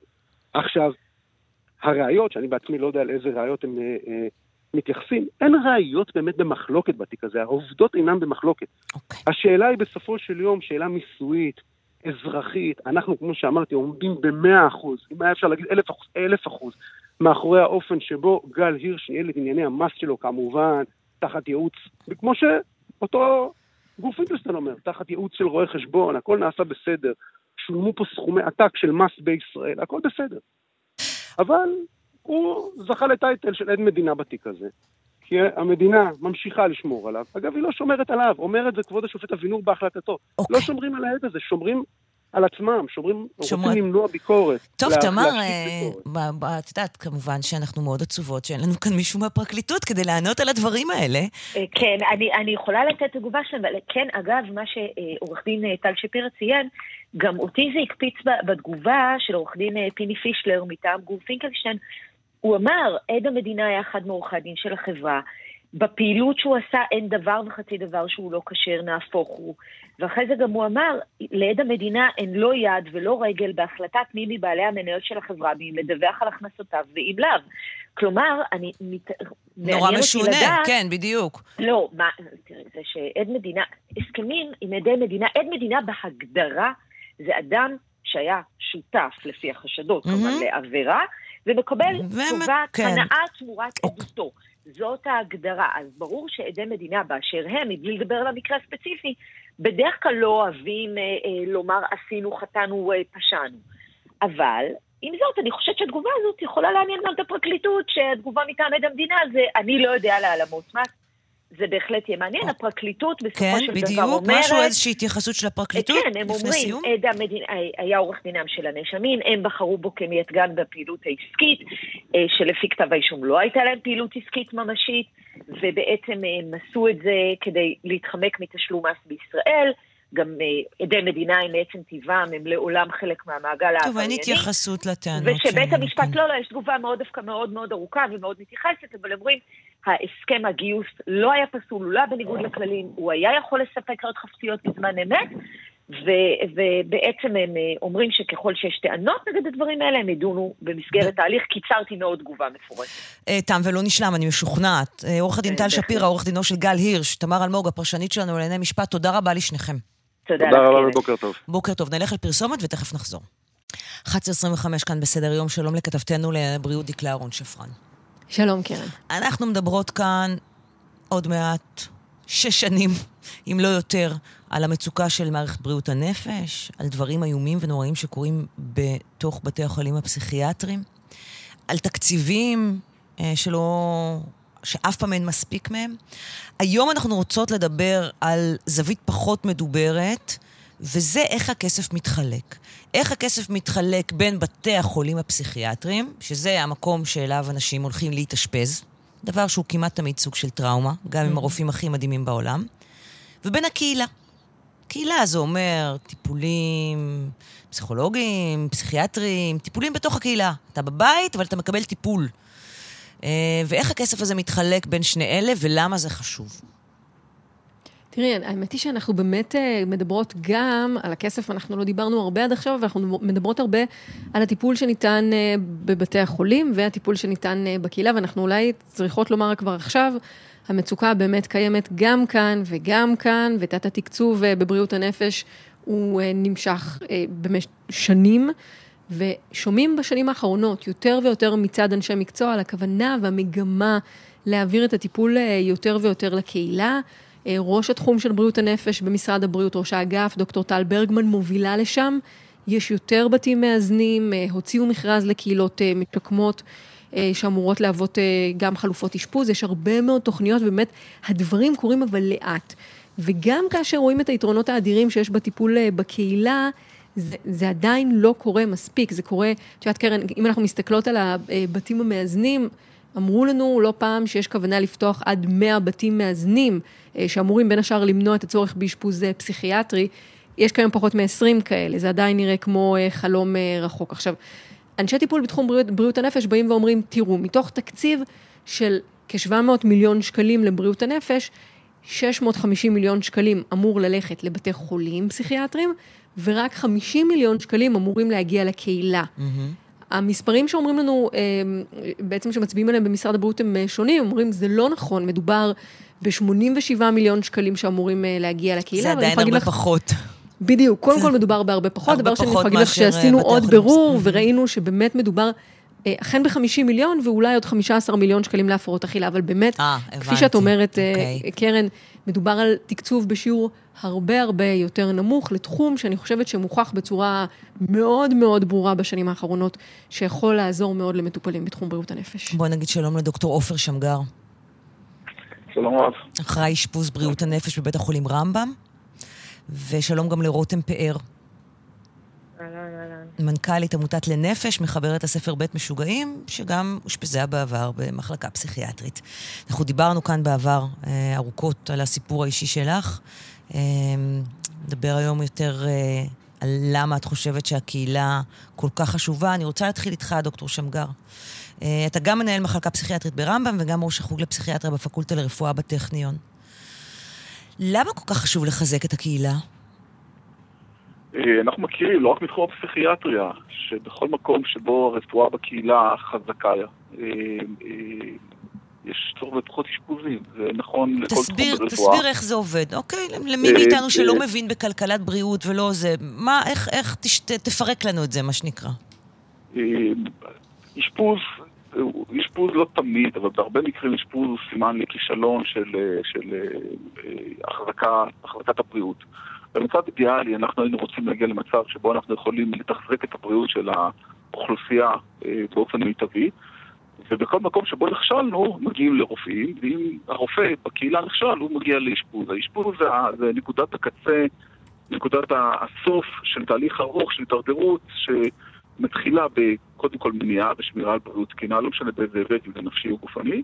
בהמשך, אם מופיעה בעיה, אפשר לטפל בה על ידי רופא משפחה או רופא מומחה בקהילה, ואם זה לא עוזר, מגיעים לאשפוז. ככל שאנחנו מצליחים לחזק את, ה, את המערכת המניעתית, וככל שאנחנו מצליחים לחזק את המערכת הקהילתית, אנחנו פחות צריכים אה, אה, אשפוזים. זה אתה אומר, זה הבסיס בעצם של עבודתנו כרופאים.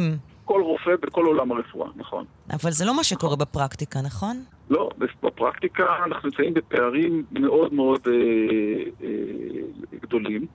אה, בסוף, הרבה פעמים, אה, אה, מערכות אשפוז שבהן נמצאים כבר אנשים, ואנשים כבר נמצאים וכבר מאושפזים, ורואים אותם תנאים, באמת התנאים בתחום בריאות הנפש הם איומים ונוראים, אה, זה, זה מושך תשומת לב מאוד גדולה. כשמצלמים ורואים את המחלקות, ואני מניח שכל כל מי שנחשף לאמצעי התקשורת השונים, רואה איך נראות היום מחלקות פסיכיאטריות בישראל, זה מזעזע, וזה אוטומטית אומר, יש פה אנשים שאי אפשר, לאפשר לאנשים לחיות בתנאים כאלה, בצפיפות כזאת, בתנאים כאלה, ואוטומטית זה גורם למשחק צוותים בצדק גמור, אנחנו, אנחנו לצערי, אבל- רגע, אנחנו שומעים אותך פחות ופחות טוב מרגע לרגע. יש משהו על הקו, אוקיי. וממש ממש חבל לנו על זה, כי הדברים שלך, אתם רוצ... אתם, אנחנו, אוקיי.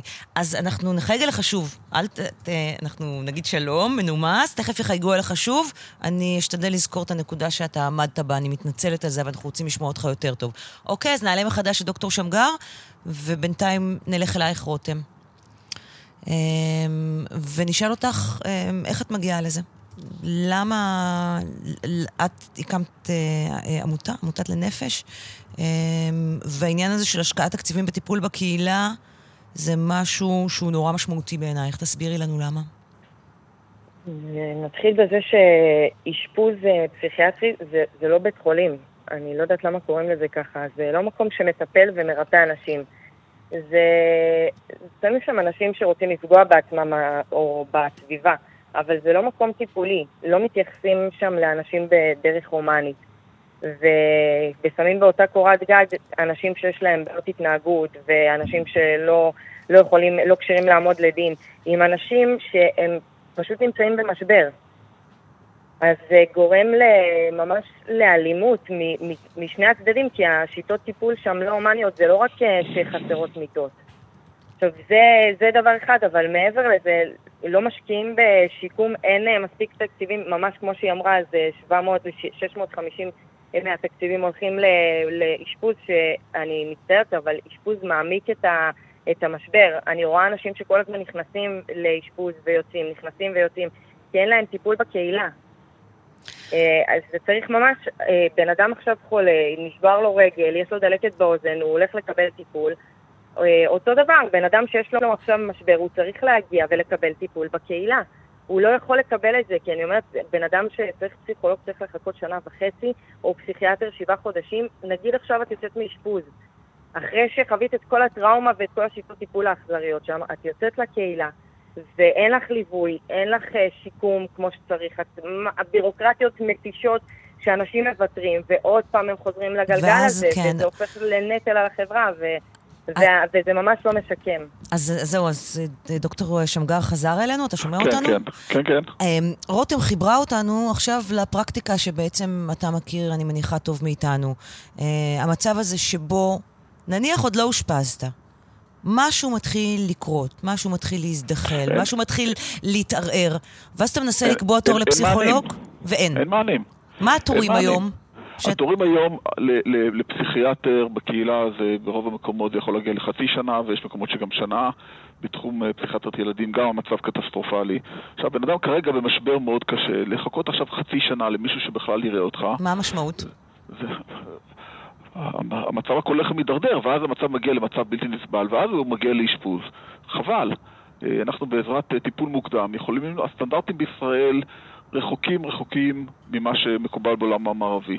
חלק גדול מזה נגרם בזכות, ה... בזכות, או בגלל הרפורמה התקציבית בשירותי בריאות הנפש שנעשתה בקיץ 2015. אה, לפני זה אה, הייתה זמינות אה, הרבה יותר גבוהה, שירותים ניתנו, ניתנו על ידי מרפאות שונות בכל הארץ. תסביר אה, את הפרדוקס הזה. אגב, משרד 2015 הבריאות, בתגובה שלו, מתגאה ברפורמה, אגב, זה מדהים אותי שעד היום משרד הבריאות מתגאה ברפורמה בבריאות הנפש. יש, יש, יש, את, יש את דוח מבקר המדינה, שפורסם בתחילת השנה, על, על מצב בריאות הנפש במדינת ישראל, ובדוח הזה, בין השאר, מצוין, מראים במפורש איך מתוך התקציב שמשרד הבריאות סימן, אה, הוא העביר הרי אה, אה, תקציב לקופות החולים כדי שיקחו לעצמם את שירותי בריאות הנפש, ומתוך התקציב הזה, אה, אה, שהוקצה לשירות, אני מדבר אמבולטורי בלבד, לא מדבר על אשפוזים, רק טיפול אמבולטורי. בפועל יש, לא רק שלא השתמשו בתקציב הזה, השתמשו בערך ב-70% ממנו. זאת אומרת, לעומת מה שהיה, שכבר היה גרוע ב-2015, בפועל השימוש התקציבי, רק התקציבי, אני לא מדבר בפועל שירותים, ירד, ירידה של 70% בש, ב- בתקציבים כלומר, לשירותי בריאות הקופות הנפש. קיבלו, אוקיי, וזה בדוח מבקר המדינה, נכון. הקופות קיבלו כסף כדי להשקיע בבריאות הנפש, כדי שיוכלו לקחת אליהם את הטיפולים, אם זה פסיכיאטרים, פסיכולוגים וכך הלאה במסלול הציבורי, ולא השתמשו בכסף הזה לצורכי בריאות הנפש, לא בכולו. בכל אופן, רק בחלק ממנו. נאמר שהבעיה הייתה כאן שהכסף לא היה צבוע, ואז הקופות עשו עם הכסף מה שהם רצו. שת... זאת אומרת, זה לא שהם גנבו אותו, הם פשוט השתמשו לא, ברור. הם השתמשו בו לצרכים אחרים של הקופות, של הרפואה הרגילה ולא לבריאות הנפש. שזה לא ייאמן אגב. זה, זה, תשמעי, אנחנו היום, אנחנו נמצאים, ורואים, רואים גם ב... ב, ב אפשר לראות גם במספרים, למשל בביקורי בית, שזה משהו שבישראל אה, מאוד לא מקובל בתחום בריאות הנפש, אבל בעבר... זאת אומרת, אין דבר זה- כזה, אני לא שמעתי על ביקור בית בישראל בבריאות אז- הנפש. אז חוץ מכמה. פרויקטים קטנים כאלה. ש- נכון, נכון, אז בעבר עוד היה פה ושם. מאז הרפורמה, היום על ביקור של אה, אה, מטופל במרפאה פסיכיאטרית, אותה מרפאה, ואני ניהלתי את מרפאה פסיכיאטרית ברמב"ם במשך ארבע וחצי שנים, אה, אותה מרפאה אצלנו מקבלת אה, סדר גודל של 110-120 שקל לביקור. אה, אה, שזה סכום נמוך, רופא רואה אותו חצי שעה, בשביל החצי שעה הזאת אה, בשום מקום זה, זה לא עומד בשום מבחן, מה זה רופא? זה צריך להחזיק בשביל זה מזכירה, מאבטח, מיזוג אוויר, חשמל ואת הכל. באותם, באותם 100 שקל, זה, זה לא רווחי. עכשיו, באותו 100 שקל אני גם אמור לעשות ביקור בית, כי זה מה שאני מקבל ביקור בית, 100 שקל. עם זה אני צריך לשלם דלק, את הזמן נסיעה, ואף הפסיקו לעשות את זה, זה לא, לא משתלם כלכלית. עכשיו, ברור לכולם, אני אומר לך בתור מישהו שהיה שם ומכיר את הדברים, הרבה יותר נכון ללכת, אני, שאני אגיע למטופל הביתה, שהוא גם ככה במצב מדוכא, במחרדות, קשה לו לצאת מהבית, קשה לו לעלות על תחבורה ציבורית, הוא, הוא, הוא מנוטרל והוא לא יכול, שאני אבוא אליו ואתן לו את השירות כמו שצריך. לא, אז אני אומר לו, תבוא אליי, הוא לא מסוגל, ואז אנשים גם לא מגיעים, ואז המצב עוד יותר מידרדר. זה פשוט מצב בלתי נסבל. דוקטור ש... אבל זה רק דוגמה אחת, הביקורי בית, באמת דוגמה קטנה. מה הפתרון? אה, אה, הפתרון בסופו של דבר, אה, קודם כל צריך לה- להעמיד סטנדרטים. הסטנדרטים, אין היום שום סטנדרטים ברורים במדינת ישראל. כמה זמן צריך לקחת מרגע שבן אדם פונה לבקשת טיפול, בין אם פסיכיאטרי או פסיכותרפויטי, פסיכולוגי או אחר, עד שהוא רואה אה, גורם טיפול. שיהיו סטנדרטים, שהסטנדרטים ייאכפו. במדינות אה, מתוקנות, במדינות אה, אה, אירופאיות מתוקנות, מדובר על סדר גודל של בין חודש לחודשיים, תלוי באיזה מדינה, אה, מרגע שבן אדם פונה עד שהוא, כף רגלו דורכת אצל איש טיפול. במדינת ישראל, כמו שאמרנו קודם, זה בין חצי שנה לשנה. אה, ברגע שיקבעו סטנדרטים, אה, צריך לראות מתוך זה איך גוזרים אבל מקורות לא, תקציביים. זהו, בדיוק. אתה אומר, יקבעו סטנדרטים. אם יש מה שאנחנו נורא טובים, זה בלהציב מטרות. זה כמו שיש לנו כן, חוקים מצוינים, אבל ואז צריך- אנחנו לא מיישמים אותם. נכון. אה, איך מיישמים כזה דבר? צריך, צריך, תראי, צריך גם אנשי טיפול, גם פסיכולוגים, עובדים סוציאליים, גם פסיכיאטרים. לייצר במרכאות, במרכאות לייצר איש טיפול אה, אה, לוקח מעל, תלוי מה, אה, אה, אם מדובר על אה, פסיכולוג עובד סוציאלי זה כמעט עשר שנים, מהמם. כי זה צריך מישהו שילמד תואר ראשון, תואר שני, ויתכנס קצת למקצוע, יהיה לו קצת ניסיון, זה יכול לקחת שבע, שמונה שנים במקרה הטוב, וכמעט עשר שנים. לייצר פסיכיאטר זה אומר עכשיו אני צריך סטודנט רפואה שילמד, יגמור בית ספר לרפואה חמש שנים, שבע שנים, ועוד התמחות בפסיכיאטריה חמש שנים, אנחנו מדברים על 12 שנה. 12 שנים. וזה בהנחה שאני כבר, מרגע שאני מתחיל לסנן אותו וזה, 13 שנה עד שיוצר פסיכיאטר מומחה צעיר. אה, אה, צריך, את כל הדברים האלה צריך כספים. אנחנו חסרים היום מאות תקני אה, מטפלים בשירות הציבורי, וזה רק הולך ויחמיר, כי כמות המטפלים ש... עוד פעם, ויש למשרד הבריאות נתונים על זה מאוד טובים, כמות האנשי מקצוע שאמורים לצאת לפנסיה בשנים הקרובות, שרובם עלו בתקופת העלייה הגדולה של שנות ה-90 מחבר מהמם. העמים. אה, יוצאים לגמלאות, וכמות האנשים שנכנסת לתוך המערכת היא הרבה יותר קטנה מכמות האנשים שיוצאת, זאת אומרת הפערים רק ילכו ויגדלו, ואם לא יעשה מעשה, זאת אומרת להפוך את זה למקצוע אטרקטיבי דרך הקצת כספים, זה פשוט, כן. זה תמיד כסף, לא יעזור שום דבר. לא, אנחנו עומדים בפני מצב שרק הולך ויחמיר, שרק לא הולך. ויחמיר. אה, רותם, שאלה אחרונה אלייך. איך את רואה, את, אה, נגיד שאת אה, מנהלת קהילה, ואת הקמת עמותה, קבוצת פייסבוק. כלומר, את, את, שומעת מאנשים סביבך, יש לך גם את החוויה האישית שלך, אבל את גם שומעת מאנשים סביבך. מה את שומעת? וואו, אני כל הזמן שומעת אנשים במצוקות, ש... גם אנשים שמתאבדים. אני אומרת לך שיש לנו עשרות הודעות ביום של אנשים במצוקה או אנשים שרוצים להתאבד. זה רק הולך ומחמיר, ואני אני כבר לא יודעת מה לעשות עם כמויות ה... כי אין לאן לשלוח אותם. אין אה, יותר מדי, כאילו זה רק לאשפוז. תחשבי שעכשיו היה בטרם. בטרם לנפש. מה, ממש אה, שלב ביניים, לפני שמגיעים לאשפוז ועוברים את כל החוויה הנוראית הזאת. כן, זה מה שדוקטור שמגר אותי- אמר, אמר, מישהו שבא אלייך הביתה. לא רק הביתה, בטרם, עכשיו יש לך נגיד 39 חום, את לא יכולה, כן, לצאת מהבית, אבל את הולכת, נגיד, ב, את הולכת ל- לבטרם, קרוב כן, אלייך. יש, ו- כי, יש, דבר, יש מיון פסיכיאטרי נניח באיכילוב, נכון? אה, אה, דוקטור ש- שמגר, יש, מי- יש דבר כזה מיון פסיכ, פסיכיאטרי, אבל... מיון לא יכול לתת, רוב הבעיות הגופניות, מיון יכול לפעמים לתת בעיה, Mhm. התערבות קצרה, לתת, להתחיל טיפול אנטיביוטי, להתחיל טיפול... בפסיכיאטריה אבל זה ברוב לא- הבעיות הנפשיות, זה לא עובד. המגע חד פעמי לא פותר כלום. ואין לזה לא, המשך זה- אחר כך, כי שוב אמרנו, אין בקהילה. אוקיי, תם ולא נשלם, אנחנו מבטיחים להמשיך ולטפל בזה. דקלה, תגובת משרד הבריאות, משפטי סיום שלך. כן, קודם כל, אה, אנחנו לא דיברנו בכלל על, אה, על הקורונה ועל מה שהיא עשתה אה, לתחום בצורה מאוד משמעותית, ולעובדה שהביקוש עלה עוד יותר בצורה מאוד מאוד רצינית בשנים האלה. במשרד הבריאות אמרו לנו ככה, קודם כל אמרו, תחום בריאות הנפש נמצא בראש סדר העדיפויות של משרד הבריאות. לאחרונה הוחלט כי מסגרות האשפוז בבתי החולים צריכות שדרוג משמעותי לאחר שנים של השקעה נמוכה מדי בתחום. חלק גדול מהתקציב הנוכחי מיועד להשקעה בתשתיות שיש צורך לשדרג אותן באופן אה, משמעותי, וחלק מיועד לפיתוח תשתית חדשה. סוגריים, אני חייבת מנסים- לפתוח, רגע. משמעות המשפט הזה, משרד האוצר לא אפשר לנו לקבל תקציב, אלא אם כן נשתמש בו לתשתיות. מה שקרה בחלוקה, כן, ש- שרבו על התקציב אז, משרד האוצר אישר להעביר את ה-650 מיליון האלה לתוספת, אך ורק בתנאי שזה ילך לתשתיות ולא להשקעות ממש אחרות. כך, זה הולך, זה הלך. לבינוי בצורה, עכשיו, אין ספק שאכן צריך, צריך, אה, אבל- לשדרג את התשתיות, אבל עדיין אבל זה אומר שליח ש- חדש לא יפתור את הבעיה שאי אפשר לת- לתת אה, טיפול בקהילה, או שאין מספיק, נניח, אנשים. ממש כך, ולא יעזור לקדם את התורים שאנחנו שומעים עליהם כך, שמאחוריהם עומדים אה, הרבה מאוד אנשים שמחכים לטיפול הרבה מאוד זמן. ורק נגיד את המשפט האחרון, כמו שאמרת, בנוגע לטיפול נפשי במסגרת הקהילה, הרפורמה שבתחום בריאות הנפש מ-2015 העבירה את האחריות לידי קופות, קופות החולים, כשלצידה הקצאת משאבים ותקציבים המועברים לקופות החולים באופן אוטומטי. כפי שאמרת, באופן לא צבוע. כן, כלומר, פר- אנחנו, זה לא מעבר באופן אה, דוקטור שמגר. פירק את זה היטב, למה זה לא עובד בכלל? מדובר ב-87.5 מיליון שקלים ולא 50 מיליון כפי שנטען, שמהווים תוס, תקציב תוספתי, ובין השאר מיועדים למתן מענים ייעודיים בקהילה לנפגעות תקיפה מינית והפרעות אכילה. תם ולא נשלם. אנחנו נמשיך ונטפל בזה. אה, אני מאוד מודה לשלושתכם. דוקטור עופר שמגר, אחראי אשפוז בריאות הנפש ברמב"ם, רותם פאר, מנכ"לית עמותת לנפש, דקלה אהרון שפרן, כתבתנו לענייני בריאות, תודה רבה.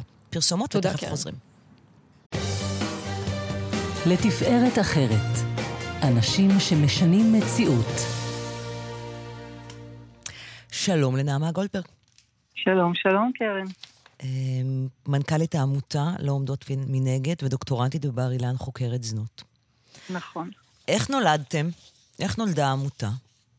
אה, קודם כל, לפני שאני אכנס לסיפור הקמת העמותה, אני קודם רוצה להודות לך, אה, קרן, שאת מעלה את הנושא הזה על סדר היום. זה בכלל לא מובן מאליו. אוכלוסיות מאוד שקופות שהסיפור שלהם לא מסוכר. אז אה, קודם כל, תודה רבה. תודה לכם, באמת. אה, האמת שהעמותה קמה די אה, במקרה. אה, החלטתי ככה באיזשהו התקף של רגע במפגשים הרעים שלי עם שורדות זנות שצריך לעזור ואי אפשר לעמוד מנגד. ופתחתי לפני כמה שנים קבוצת פייסבוק קטנה, חשבתי שיהיו שם איזה 20 חברות ונעזור לאיזה 3-4 שורדות זנות.